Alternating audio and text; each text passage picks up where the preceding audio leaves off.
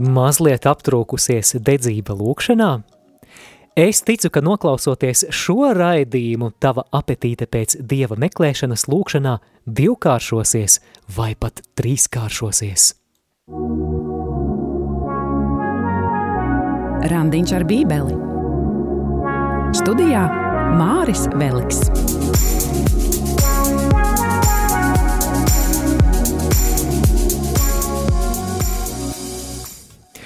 Laipni lūgti randiņa ar bībeli 39. epizodē, lai ir slavēts Jēzus Kristus. Studijā tavs savedējs randiņā ar bībeli Māris Veliks, un mēs šoreiz runāsim par vienu no vis, vis, vis, vis, vis svarīgākajām darbībām mūsu dzīvē, ja Dievs ir vis, vis, vis, vis svarīgākais. Proti, mēs runāsim par lūkšanu. Ņemot vērā, ka šonadēļ uz brīdi mēs iepauzēsim Mateja evaņģēlijas studijas, lai tās atsāktu jau jaunedēļ, šis raidījums, ko tu klausies, būs speciāli izlaidums. Vakardien attālināti Zoom platformā es vadīju lekciju Iecavas katoļu draudzes alfa kursā par tēmu kāpēc un kā lūgt, un manuprāt, šajā lekcijā bija daudz vērtīgu iedrošinājumu arī tavai lūkšanu dzīvē, tādēļ šodien es piedāvāju noklausīties šīs lekcijas ierakstu. Ik pa brīdim ēterā atgriezīšos arī tiešraidē, lai pakomentētu lai komunicētu ar tevi klausītāji, bet pirms mēs klausāmies par lūkšanu, es pateicos ikvienam, kas randiņu ar bībeli un citus radio Marija Latvija raidījumus padodat tālāk savos sociālajos tīklos. Piemēram, pagājušās nedēļas raidījumu par Dieva valstības noslēpumiem tālāk Facebook lapā, Facebookā ir padevuši tālāk 29 cilvēki, kas priekš raidījuma, kas vēl tikai uzņem savus apgriezienus, ir diezgan labi.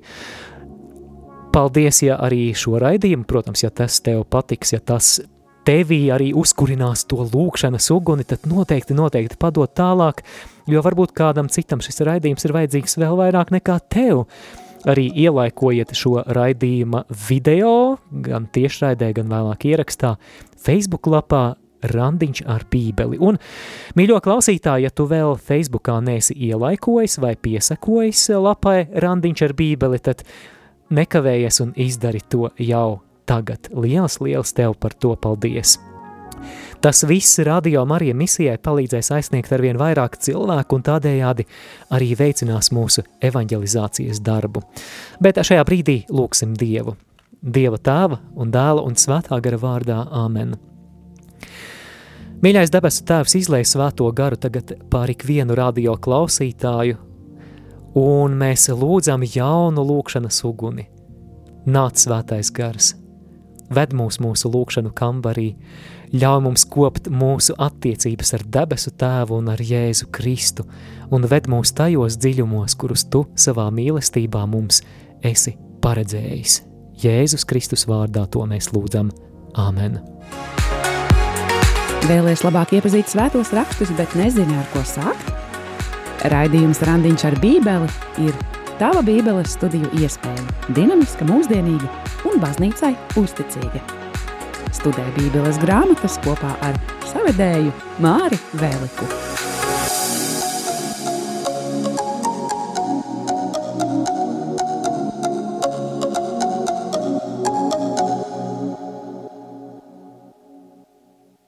Tātad, kāpēc un kā lūgt? Šo uzrunu par lūkšanu es vēlos sākt ar stāstu, kā es sāku lūgt, jo uh, katram cilvēkam, kurš lūdz Dievu, ir kāds sākums. Nu, parasti jau nav tā, ka tu piedzimsti un dzemtību namā, tu jau esi ar rožu kroni rokā. Arī man dzīvē bija kāds brīdis, kad es sāku lūgt. Es atceros, ka man bija iespējams kādi četri gadi, un krustāvs man teica, ka Māri, ejam uz baznīcu. Un manā dzimtajā Daugaupilī viņš veda mani uz baznīcu, un viņš teica, ka Baznīcā viņš man iemācīs, kā pārmest krustu. Ņemot vērā, ka man nebija ne mazākā priekšstata, ko nozīmē pārmest krustu, es to uztvēru ļoti burtiski. Es domāju, ka tas eh, nozīmē, ka kaut kas patiešām būs jāmet. Mēs nonācām baznīcā un eh, varbūt esat redzējuši, ka uh, ir lieldienu laikā tur pie altāra tāds, tāds metāla krusts ar garu kātu stāva, un es domāju, ka man tas krusts būs jāpaņem un jāmet pāri plecam uz aizmuguri. Es biju mazliet vīlies, kad krustāvs eh, teica, ka pārmest krustu ir tā Dieva tēva un dēla un svētā gara vārdā āmen. Bet, nu, lai kā tur būtu ar to krusta pārmešanu, bet tā bija pirmā tāda apzinātā lūkšana. Nākamais posms bija, kad eh, mana vecvecmamma, kuru sauca Tekla un kas bija ļoti, ļoti brīnišķīgs, sirsnīgs cilvēks, un pie kuras mēs ar brāli mēdzām palikt, kad vecāki bija kaut kur projām, reiz teica, ka mūs iemācīs potoru sliuktīs. Un uh, tad viņa mums mācīja latgaliešu valodā Tāvs mūsu, kas esi debesīs, ieteic, lai tūp tavs vords, un esi sveicinotam arī žierestēbas pilno Jā, tad es iemācījos dažas iemācītās lūkšanas, kas jau atkal sāka veidot kaut ko no mana lūkšanu arsenāla. Savu liecību es turpināšu pēc kāda brīža, bet eh, vispirms, manuprāt, tas būtiskais jautājums, pie kura noteikti ir jāpakavējas, kas tad īsti ir lūkšana? Droši vien sākšu ar domu, ka lūkšana patiesībā, ja tā padomā, ir viens no tādiem visuniversālākajiem cilvēces instinktiem. Es atceros, kā reiz mēs ar eh, Jēkaba katedrāles jauniešiem gājām, manuprāt, pa onkoloģijas centra palātām, un eh, tur eh, slimniekiem arī teicām, ka tajā dienā ir iespēja aiziet uz mise vai arī uzaicināt priesteri uz palātu. Bija tāda kalpošana. Un atceros, kādā palātā mēs stāstām par šo īpašo garīgo piedāvājumu slimnīcā šajā vakarā, un cilvēks mums saka, Krievu valodā, oi, vam ne pavislo, ja ateists, jums nepaveicās, esmu ateists. Nu, proti, tāda cilvēks, kurš nolī, noliec dieva esamību. Bet tad, kad mēs teicām, bet vai drīkst par jums arī dievkalpojuma laikā palūkties, viņš pēkšņi, o jā, jā, palūdzieties par mani. Tas ir labs piedāvājums. Jā, nu, tālūk mums iet ar tiem ateistiem, bet uh, tas mazliet stāsta par to, ka patiešām ik viens cilvēks kādā savā dzīves brīdī vismaz reizi ir lūdzis vai vismaz vēlējies lūgt. Krievu valodā ir tāds teiciens, ka datri voga, tagad do boga, jeb kad ir kāda nelaime, tad vēršamies pie Dieva.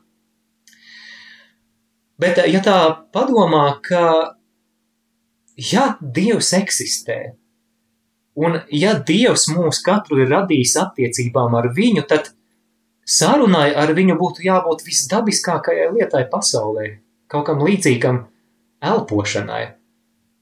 Un eh, noteikti tu arī zini, ka ikvienas attiecības, arī tādā cilvēciskā kontekstā, balstās uz komunikāciju. Un ja tu zini, kā komunicēt, tad šīs attiecības aug un plaukst, un Kas tad ir lūkšana tādā visvienkāršākajā veidā? Tā ir saruna ar Dievu.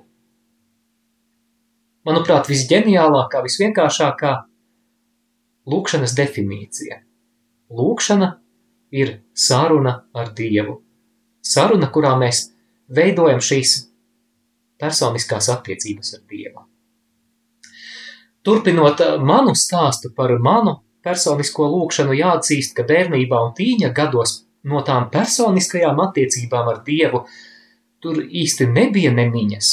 Es mēdzu ik pa laikam lūgties, bet vairāk mana tuvošanās Dievam bija tāda ļoti pragmatiska. Es lūdzu Dievu, kad man kaut ko vajadzēja. Nu, piemēram, kāds sarežģīts kontroldarbs matemātikā tuvojās. Un, protams, protams, ka šajā brīdī man ir vajadzīga pārdabiska dieva palīdzība. Nu, tas nekas, ka es neesmu varbūt pietiekami centīgi gatavojies tam kontroldarbam. Es atceros, kā es savā ikdienā sāku lūgties regulāri no rītiem katru dienu ceļā uz skolu. Un šīs būs ļoti romantisks stāsts. Es atceros, jā, es biju skolnieks un kādā Ziemassvētku vakarā man bija jāiznes eh, miskaste ārā. Un eh, es nesu miskasti, un Tie bija laiki, varbūt eh, tie, kas jaunāki no jums, eh, jūs tādus laikus neatceraties, bet eh, vismaz lielākajās pilsētās bija savulaik laiks tāds, kad, kravas automašīna, tāda atkritumu mašīna, brauca no pagalma uz pagalmu, un konkrētā laikā tad bija visiem dzīvokļu iedzīvotājiem ar tām savām miskastēm jānāk, un tajā mašīnā viss jāsakrāmē. Mēs dzīvojām ceturtajā stāvā, un es eju lejā, un trešajā stāvā atverās durvis, un es ieraugu eņģeli ar miskasti. Tā bija kaimiņu meitene, kur es agrāk nebiju pamanījis, un man viņa šķita tik skaista. Un, ja mēdz runāt par iemīlēšanos no pirmā acu uzmetiena, tad droši vien tas bija tas gadījums.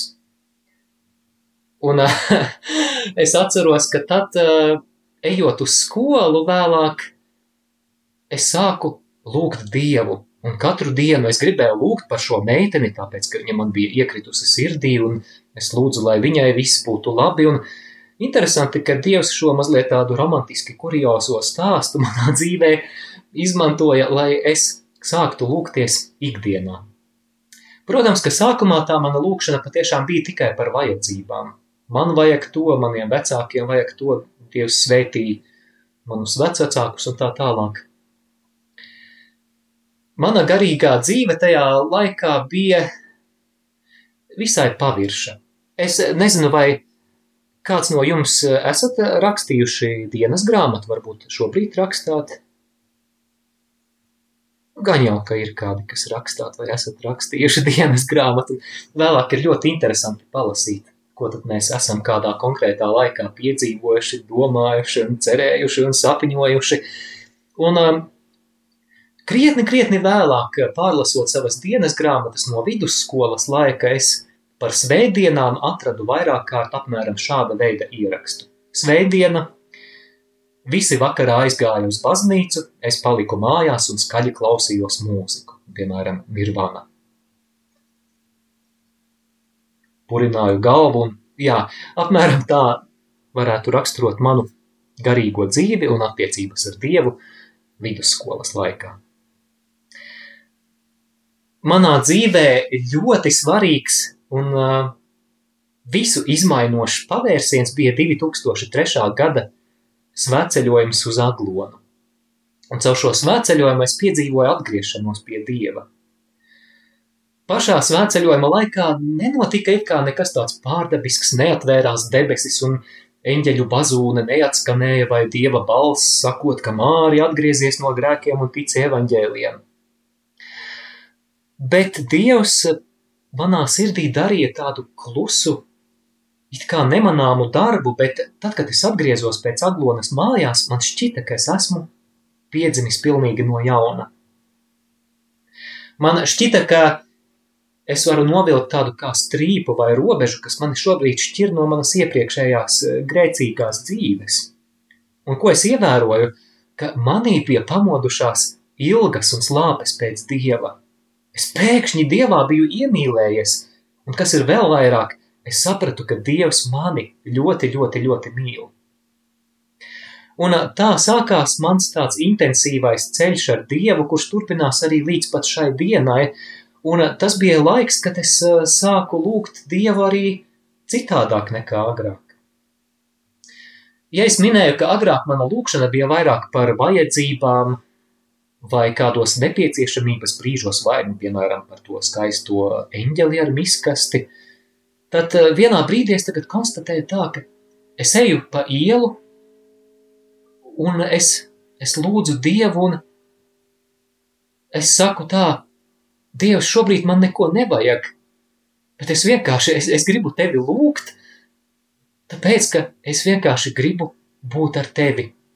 Es gribu lūgt tevis paša dēļ kaut kas būtisks bija, bija noticis manās attiecībās ar Dievu. Un um, tad, nu, pārtinot filmu daudzus gadus uz priekšu, līdz pat šim 2021. gadam, es varu teikt, ka šobrīd lūkšana un attiecību veidošana ar Dievu ir manas dzīves prioritāte. Ne tajā ziņā, ka citas lietas man būtu nesvarīgas. Nē, bet es vēlos, lai viss, kas manā dzīvē notiek, ir iesakņojies Dievā. lai viss ir izlūgts, lai manas attiecības ar Dievu ir it kā tāds avots, no kura izplūst viss pārējais – darbs, attiecības, kalpošanas, brīvais laiks, hobiji un tā tālāk un tā tālāk.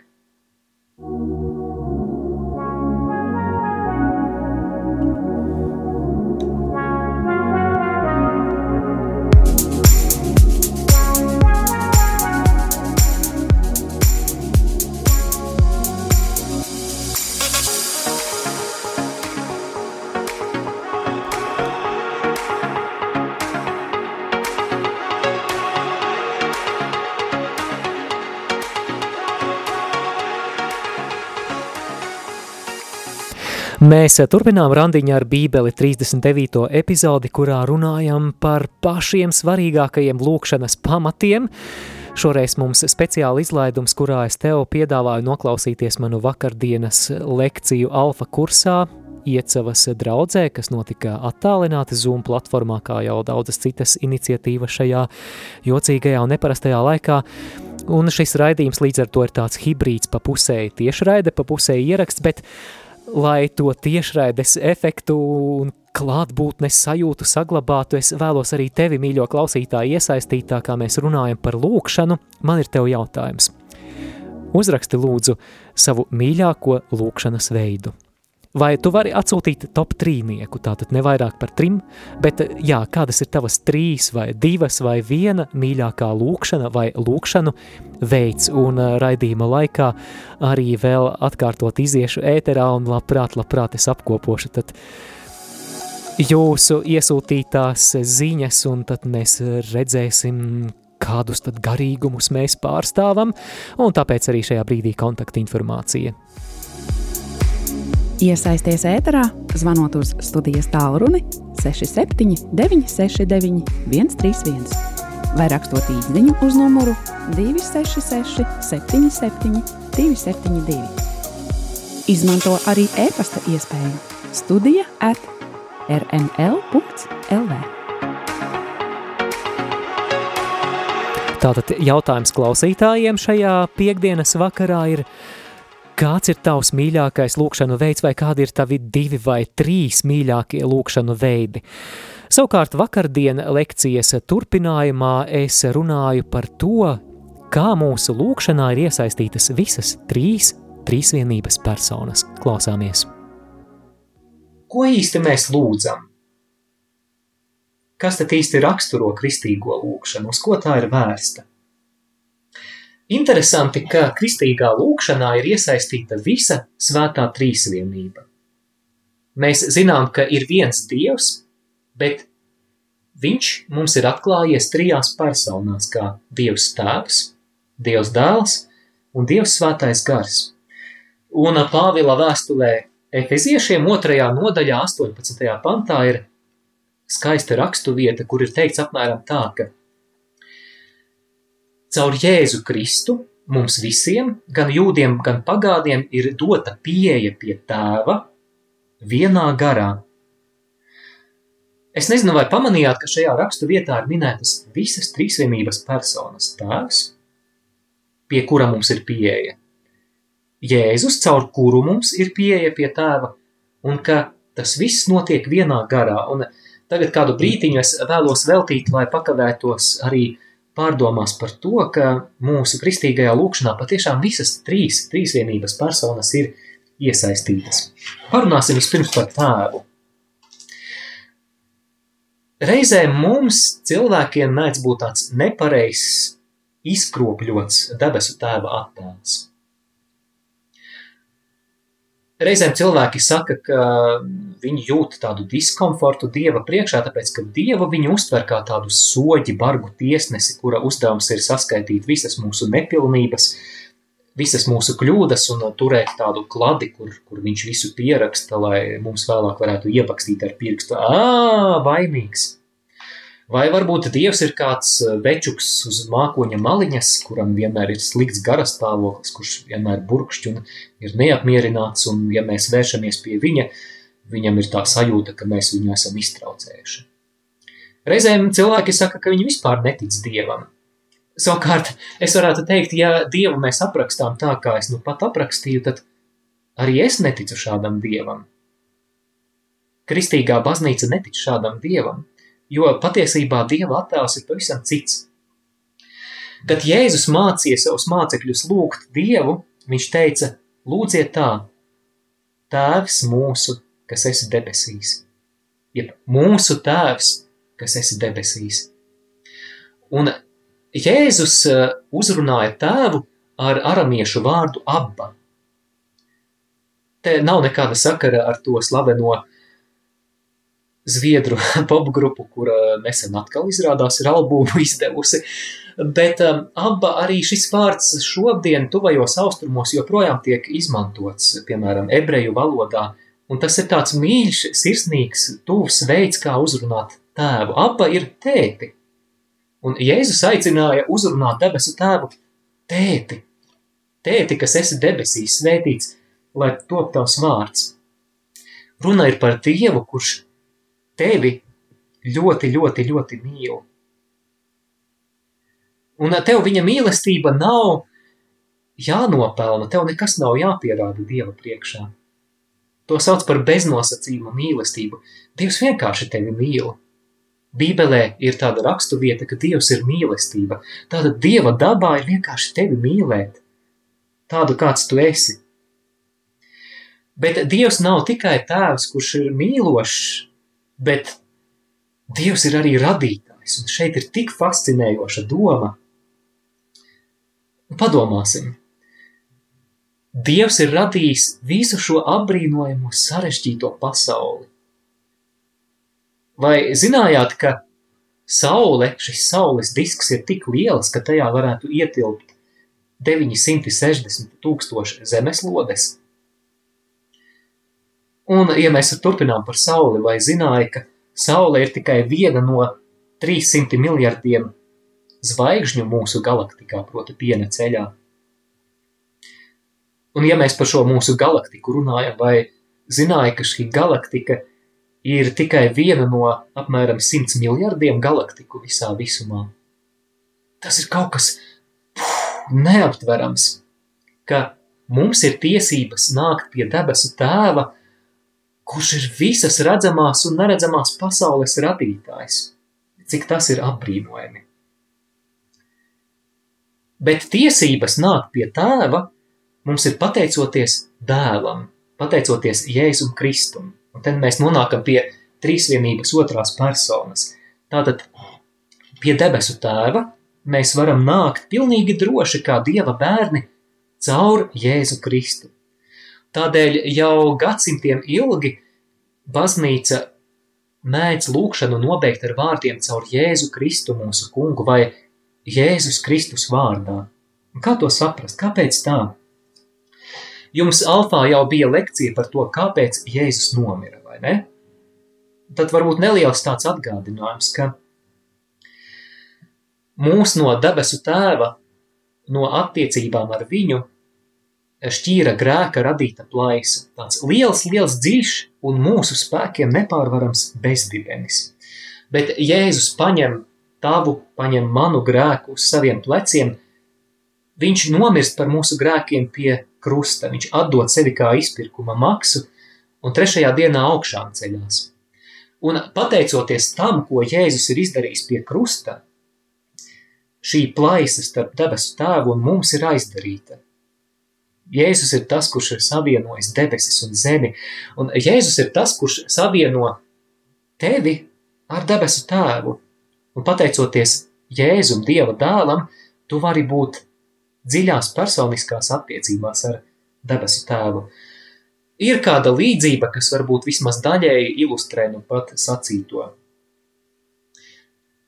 19. gadsimtā ASV pilsoņu kara laikā kāds kareivis piedzīvoja traģēdiju.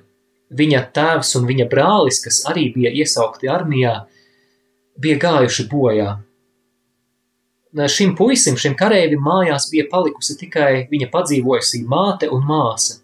Viņas bija vienīgās, kurām, kurām bija iespēja rūpēties par saimniecību, un viņš saprata, ka esot tagad vienīgais vīrietis dzimtā, ka vienīgais veids, kā palīdzēt savai ģimenei, ir lūgt iespēju tikt atbrīvotam no šīs kara klausības. Šis kareivis devās uz Vašingtonu, uz Balto namu, un ienākot iekšā un uzrunājot tur satikto ierēdni vai, vai apsargu, viņš saka tā, ka es gribētu tikt vizītē pie prezidenta.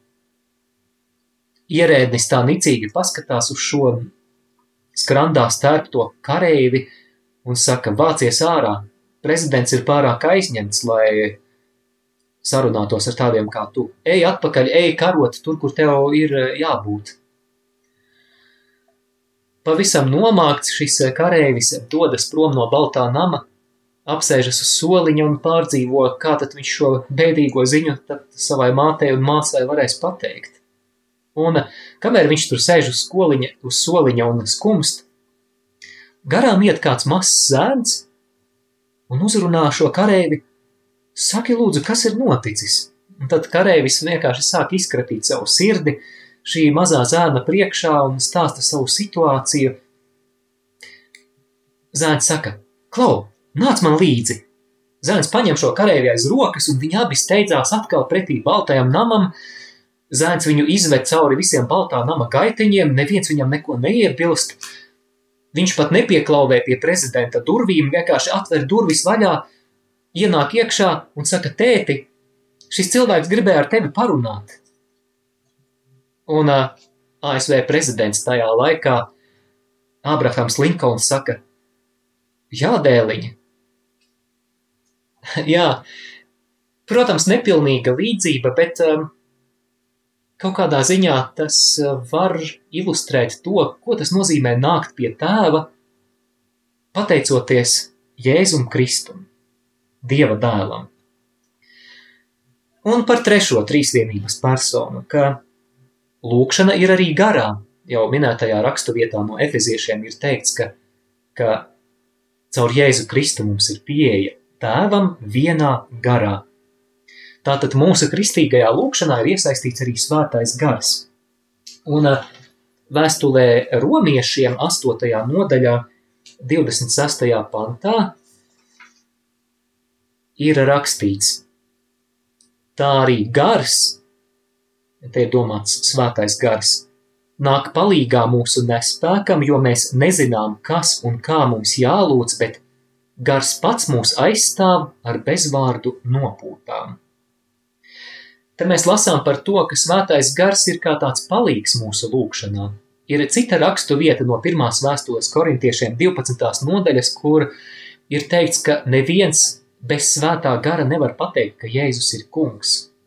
Citiem vārdiem sakot, mūsu lūkšana nav dzīva, ja to nedzīvina svētais gars, kurš mājo mūsos. Jums vēl alfa kursā vēlāk būs arī īpašas eh, lekcijas tieši par svēto garu, un tad par to dzirdēsiet vairāk, bet tātad lūkšana ir arī svētajā garā.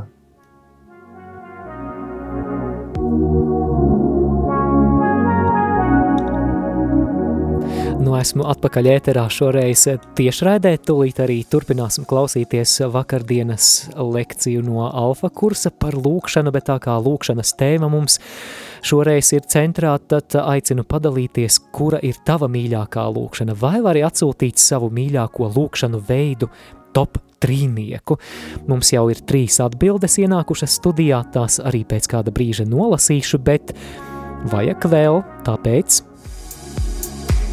Iesaisties ēterā, zvanot uz studijas tālruni 67 969 131 vai rakstot īsiņu uz numuru 266 77 272.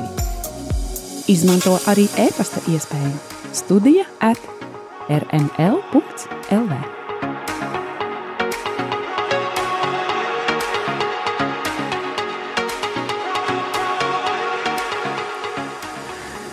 Mateja evaņģēlija 6. nodaļā, 6. pantā mēs lasām Jēzus vārdus, bet kad tu Dievu lūdz, tad ej savā kambarī, aizslēdz savas durvis un pielūdz savu tēvu slepenībā, un tavs tēvs, kas redz slepenībā, atmaksās to tev.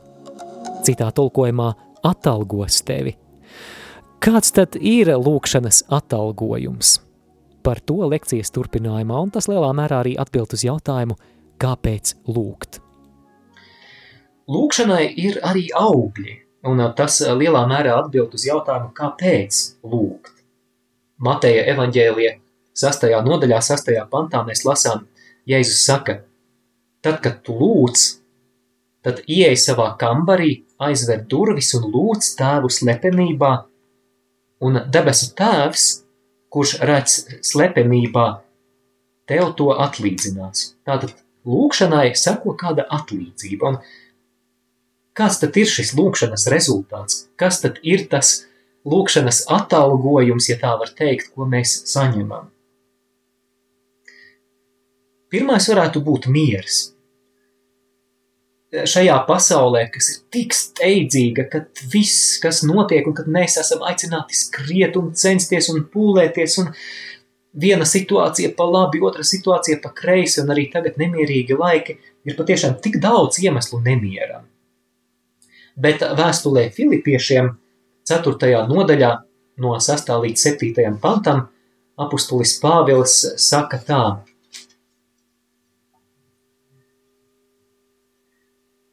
Neesiet noraizējušies ne par ko, bet jūsu vajadzības, lai top zināmas Dievam, ikvienā jūsu lūkšanā pielūdzot Dievu ar pateicību. Un Dieva miers, kas pārspēja jebkuru sapratni, lai pasargā jūsu sirdis un jūsu domas Kristu Jēzu.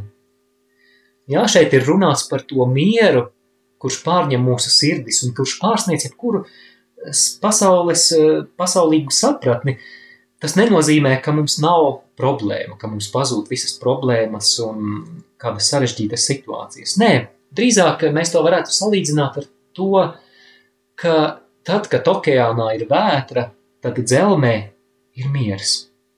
Un, ja mums apkārt ir tā dzīves vētra un daudz iemeslu, lai mēs būtu noraizējušies, tad kaut kur sirds dziļumos caur lūkšanu mēs varam saņemt mieru. Šodien man bija kāda situācija, kura mani ļoti satrauca, kas man atņēma mieru. Un uh, arī pateicoties kādam cilvēkam, ka, kam es par šo situāciju pastāstīju un kas lūdza par mani, man šobrīd ir miers par šo situāciju, pat ja varbūt ārēji nekas nav mainījies. Svētajos rakstos Bībelē ir arī kāds ļoti skaists attēls, manuprāt, mieram vētras vidū. Mēs evaņģēlijos lasām par to, ka Jēzus un mācekļi brauc pāri Galilēs jūrai, jeb Galilēs ezeram, un ir sacēlusies liela vētra. Un mācekļi ir panikā. Viņi saka, mēs grimstam, bet ko dara Jēzus? Varbūt kāds no jums atcerās, kas tur bija rakstīts. Jēzus laivas galā guļ šis pārdabiskais miers, kas ļauj mums gulēt pat, pat vētrā. Un tas ir viens no lūkšanas atalgojumiem vai lūkšanas augļiem. Nākamais lūkšanas auglis ir, ka lūkšana maina perspektīvu. Lūkšana maina perspektīvu, jeb skatījumu uz dažādām situācijām. Šeit es vēlos runāt par pateicības lūkšanu. Mums Tad, kad ir kādas sarežģītas dzīves situācijas, ir tendence ļoti nofokusēties uz šīm lietām, kas mūs satrauc. Ir tāds rozā ziloņa efekts. Es tagad uh, izdarīšu tādu eksperimentu. Tagad uh, tev ir uzdevums nedomāt par rozā ziloni. Nedo... Nē, es jūs joprojām, joprojām domājat uh, par rozā ziloni. Nedomājiet par rozā ziloni. Nedomājiet taču par to rozā ziloni.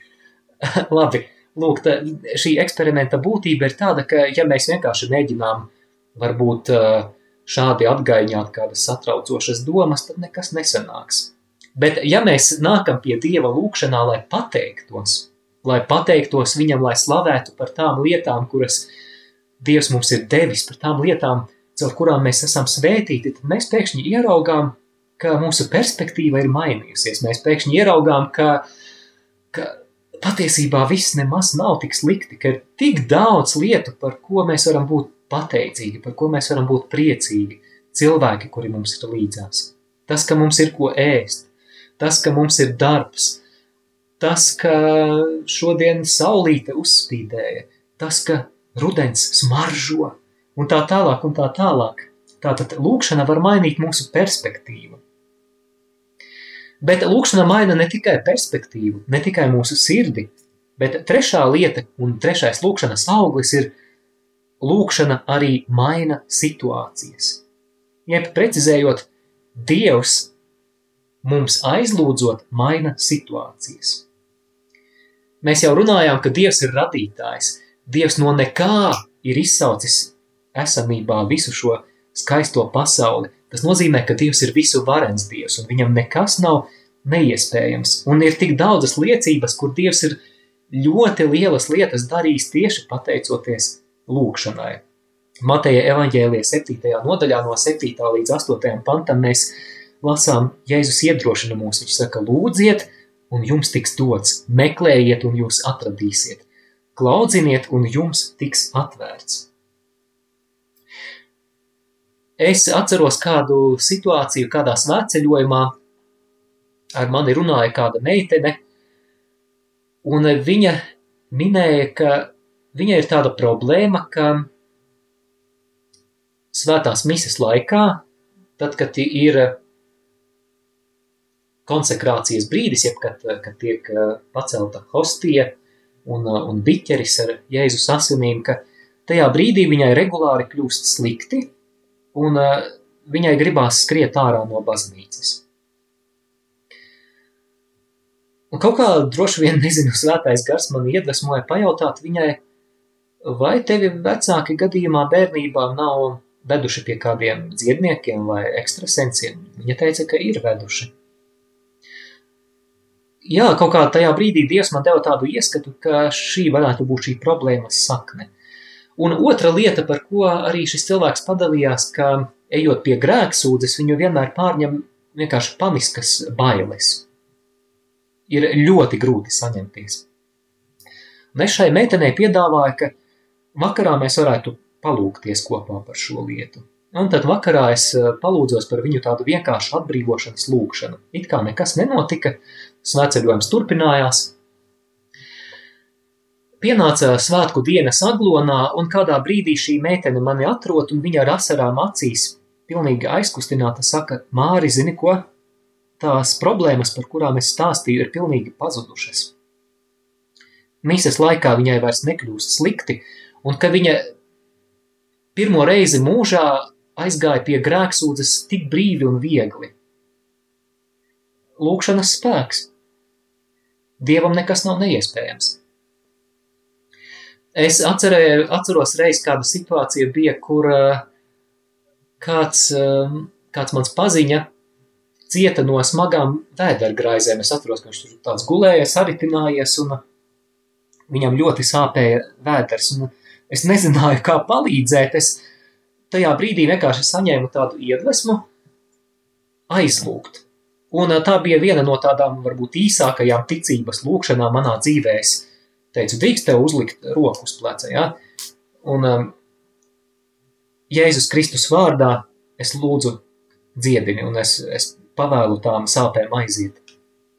Nākamajā rītā es ieraugu šo cilvēku smaidošu kā saulīti un rādā mīkšķīšus.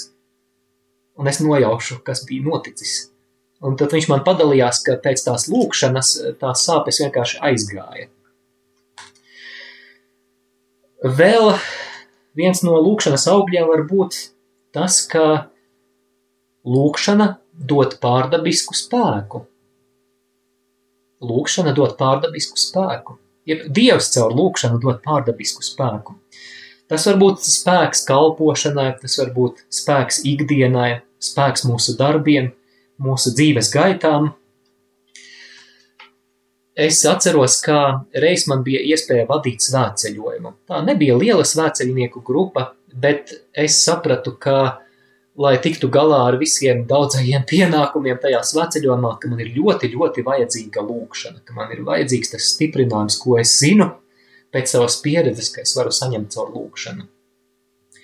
Tad pirmajā sveceļojuma rītā es pamodos stundu agrāk un nolēmu pavadīt laiku lūkšanā, pirms pārējie ir pamodušies, bet kaut kā tajā pirmajā rītā man īpaši negāja, kaut kā nevarēju sakoncentrēties un izrādās, ka pārējie cilvēki arī krietni agrāk cēlās, nu tie, kas ir gājuši svētceļojumā, zina, ka tur pirms, nu jā, uz toleti ir rindas, un tāpēc tas, kurš pirmais piecelsies, ātrāk tiks, un tad tur tādi samiegojušies svēceļnieki par asu bried man, manai teltī garām ar toletes papīru ruļļiem un ar zobu pastām, zobu birstēm kaut kā nevarēju savākties. Un man iešāvās prātā kāda ļoti radikāla ideja, par kuru es tagad pats brīnos, uz ko es biju gatavs. Es saņēmu tādu iedvesmu, ka es varētu uzlikt modinātāju apmēram uz pusčetriem naktī, un ka es varētu tad tādu nakts lūkšanu katru nakti ieviest. Un tā nu es patiešām tā izdarīju. Es uzliku modinātāju uz pusčetriem naktī, manuprāt, uz pusčetriem, neatceros precīzi to laiku. Es izlīdu ārā no telts un es kādu stundu vienkārši gāju pa tiem tumsas skautajiem lauku ceļiem, vēroju zvaigznes, vienkārši meklēju dieva klātbūtni, es atpūtos dievā, es viņu pielūdzu, es, es vienkārši baudīju dievu, es lūdzu par nākamo dienu, par nākamās dienas ceļu, es lūdzu par svēceļniekiem, es lūdzu par sevi, man bija tur lekcijas arī jāvada, es lūdzu par tām, un tad es devos gulēt.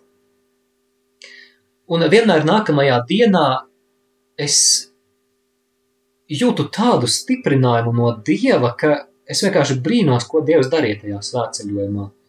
Es atceros, bija kāds brīdis, kad es eh, tiem jauniešiem, kas bija svētceļojumā, jo tur pārsvarā bija jaunieši, es atceros, es aicināju viņus eh, izvēlēties Jēzu kā savu kungu un savu glābēju, un Un lielākā daļa no viņiem patiešām izgāja priekšā un lūdzās ar mani lūkšanu. Kungs Jēzu ienāc manā dzīvē, esi mans kungs, un daudziem no viņiem vienkārši asaras bija. Es vienkārši pats brīnījos, kas notiek, un es sapratu, ka tas, ko mēs piedzīvojam šajā svētceļojumā, tas pārsniedz kaut kādas manas cilvēciskās iespējas. Un es to sasaistu tieši ar manu nakts lūkšanu. Lūkšana – dod pārdabisku spēku, un tā ir tāda manas dzīves pārliecība, ka viss, kam mēs ķeramies klāt, ir vērts to izlūgt. Ir vērts, lai tas viss, viss sakņojās Dievā.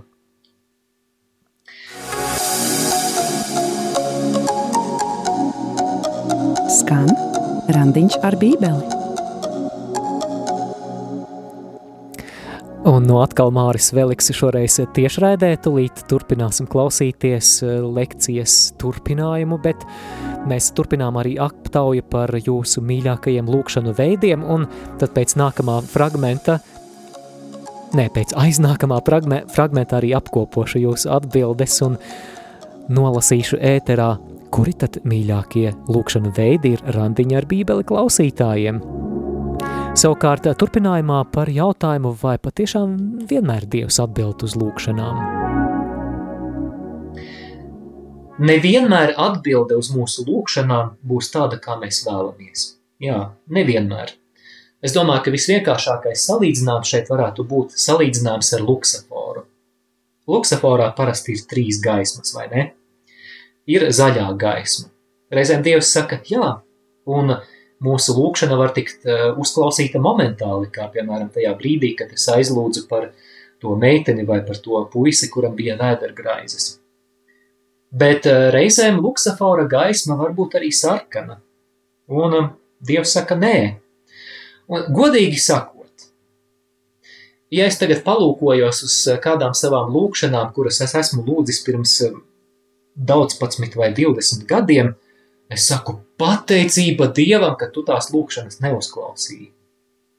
Vai, piemēram, ja es domāju par kaut kādām manām agrīnajām skolas laika mīlestībām, tur par kurām es lūdzu, lai viņas kļūtu manas sievas, tad šobrīd ne jau tajā ziņā, ka viņas būtu sliktas meitenes, bet šobrīd es saku pateicība Dievam, ka tu neuzklausīji manas lūkšanas.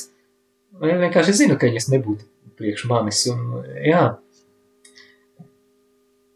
reizēm um, mēs arī šeit dzīves laikā virs zemes nekad arī nesapratīsim, kāpēc mēs nesaņemam atbildes uz kādām lūkšanām. Varbūt tikai mūžībā, kad mēs stāvēsim Dieva priekšā kad mums būs iespēja viņam personīgi pajautāt, bet reizēm atbilde uz lūkšanu var būt tā dzeltenā luksafora gaisma, un tas nozīmē pagaidi.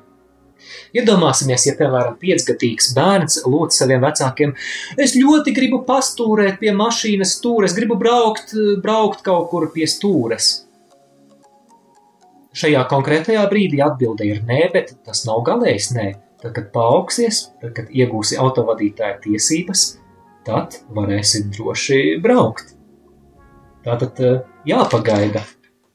Un visbeidzot parunāsim par to, kā lūgt, kādi tad ir lūkšanas veidi un vai ir kāds pareizākais lūkšanu veids. Un pēc šīs porcijas, proti pēc piecām minūtēm arī apkopošu klausītāju īziņas.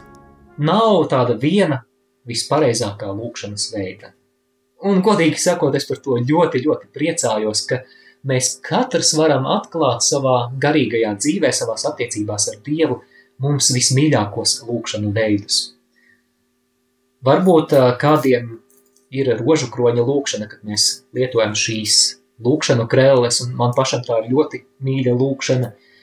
Varbūt tā ir svētā mise, kas, jā, svētā mise ir, ir vislielākā, vis, visgalvenākā, svarīgākā, svarīgākā lūkšana katoliskajā baznīcā, jo tā ir savienošanās ar Jēzus upuri Golgātā pie krusta. Tā ir iespēja pieņemt viņa miesu un viņa asinis.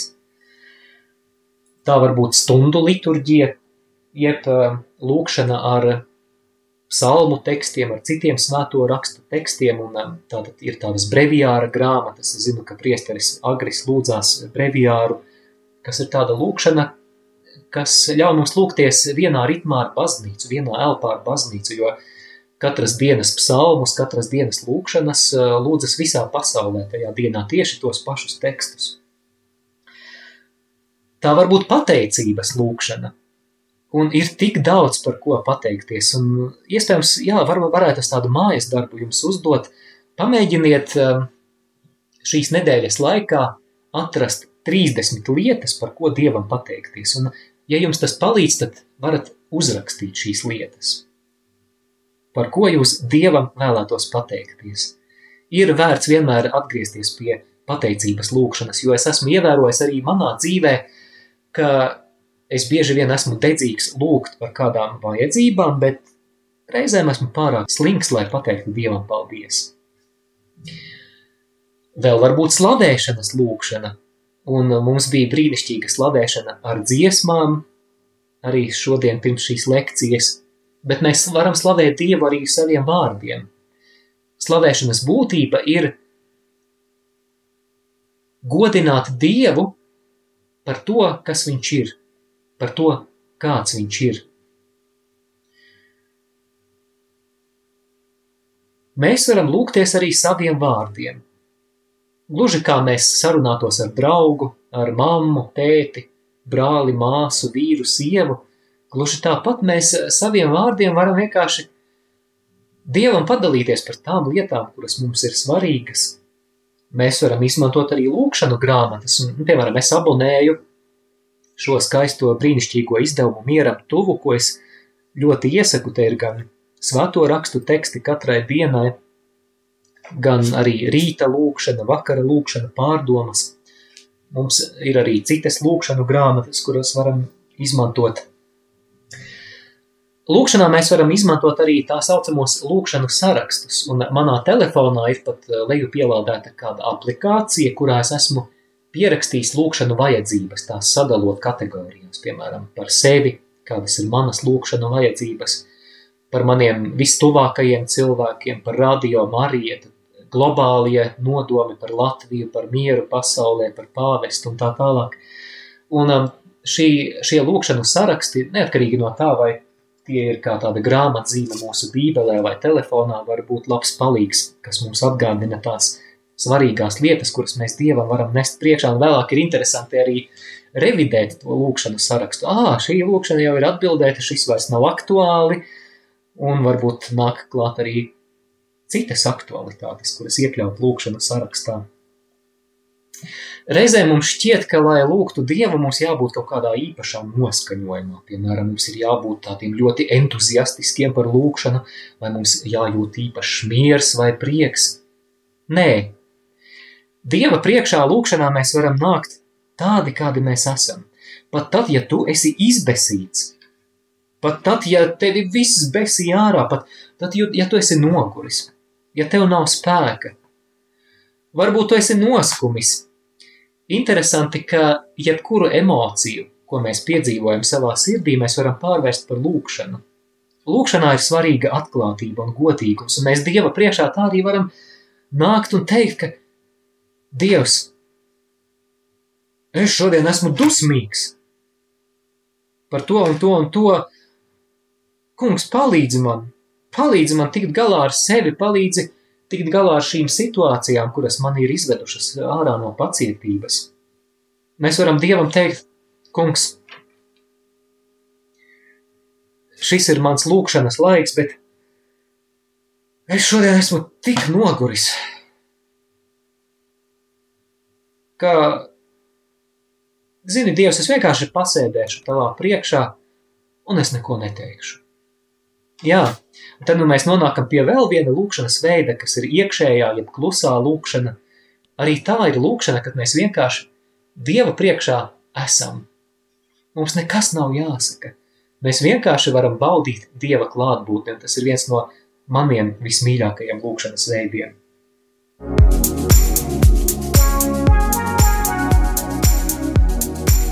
Skan Randiņš ar Bībeli.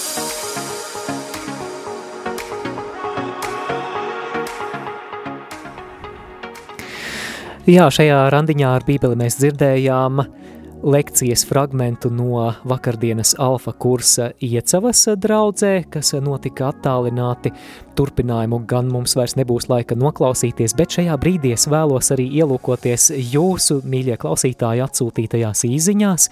Ja kāds ir nesen pieslēdzies, tad es atgādinu, ka jautājums klausītājiem bija, kādi ir jūsu mīļākie lūkšanu veidi un Whatsappā mums kāda ziņa, ka mīļākā lūkšana ir rožu kronis vai arī lūdzos saviem vārdiem. Dievs palīdzi man, Dievs esi ar mani. Tad vēl kāda lūkšana, slavēšana, pateicība un rožu kronis, tātad top trīnieks. Anita raksta, manu lūkšanu top trīnieks ir pirmajā vietā slavēšana, tad pateicības lūkšana un Trešajā vietā arī svētā mise. Vēl viens top trīnieks arī īziņas veidā atsūtīts lūkšana ar svētajiem rakstiem, adorācija vai pielūksme un rožu kronis. Paldies par šo atbildi. Mums diezgan daudz klausītāji ir atsūtījuši. Šajā laikā mans mīļākais lūkšanu veids, raksta kāds klausītājs, ir pastaigas dabā, vienkārša saruna ar Dievu. Katru vakaru pastaigājoties lūdzos rožu kroni. Visbrīnišķīgāko laimes sajūtu esmu piedzīvojusi visvētākā sakramenta priekšā, slavējot Dievu savā sirdī un dziedot. Arī meditēt ar Dieva vārdu. Šo Dieva vārdu skaisti uzrakstīt vai uzzīmēt ļoti skaista atbilde. Gunta Liepājā raksta – Dieva žālsirdības kronītis, adorācija un šautru lūkšanas. Paldies Guntam! Cits klausītājs raksta rožu kronis kopā Radio Mariju septiņos no rīta, saruna ar Jēzu un pārdomas par izlasīto evaņģēliju. Paldies!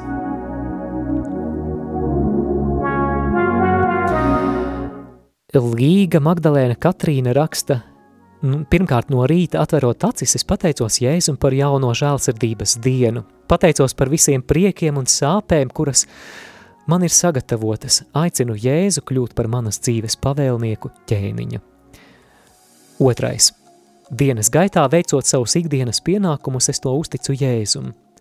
Zinu, ka viss, kas notiek, ir ar viņa ziņu. Un trešais. Vakarā pie miera ejot – Saku, Jēzu, tavās rokās es atdodu savu dvēseli, miesu un garu.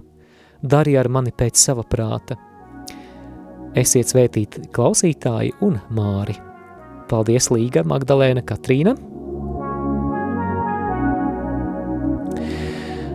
Un kāds cits eh, raksta – mani mīļākie lūkšanu veidi lūkšana par mirušajiem, par radiem un pateicības lūkšana, bet vismīļākais lūkšanu veids rožu kronis. Un bieži vien no rītiem kopā radio Marija tā raksta klausītāja līga.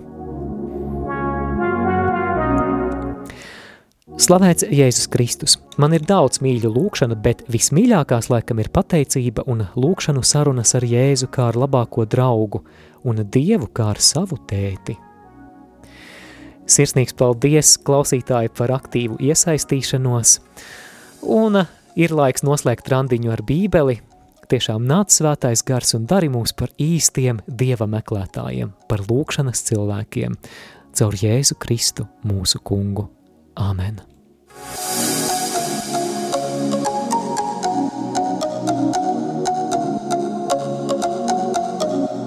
Jūs klausījāties raidījumu Randiņš ar Bībeli. Savas atsauksmes, ieteikumus un jautājumus sūtiet uz e-pastu randiņš ar bībeli at gmail.com. Iepriekšējās raidījuma epizodes aicinām meklēt arhīvā.